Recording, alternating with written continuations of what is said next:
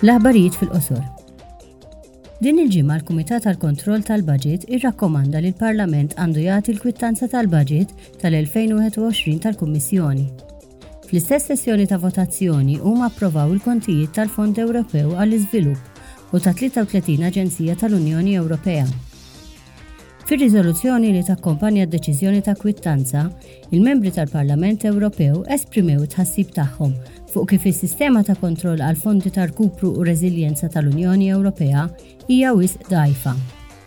Huma saħqu wkoll li għandu jkun hemm regoli ġodda għall-aċċess tal-NGOs għall-istituzzjonijiet tal-Unjoni Ewropea.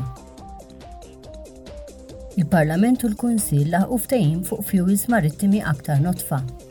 L-għan huwa li l-emissjonijiet tal-vapuri jitnaqqsu bi 2 fil-mija sal-2025 u bi 80 fil-mija sal-2050 biex ngħinu lill-Unjoni Ewropea ssir newtrali għall-klima.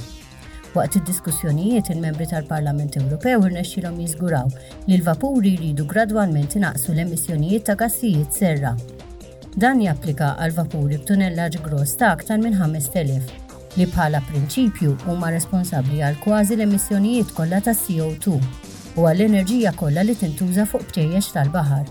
Il-ftehim stabbilixxa wkoll il-mira tal-użu ta' fjuwils rinnovabbli ta' 2 fil-mija sal-2034. Is-26 rebbieħ nazzjonali tal-Premju Carlo Magno taż-Żgħażagħ Ewropej ġew magħżula.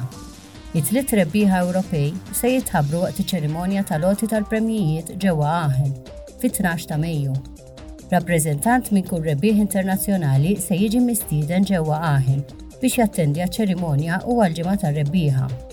Fl-2022 l-ewwel premju mar għand l-Orkestra Sem Fronteras jiġifieri l-Orkestra Mingħajr Fruntieri mill-Portugall.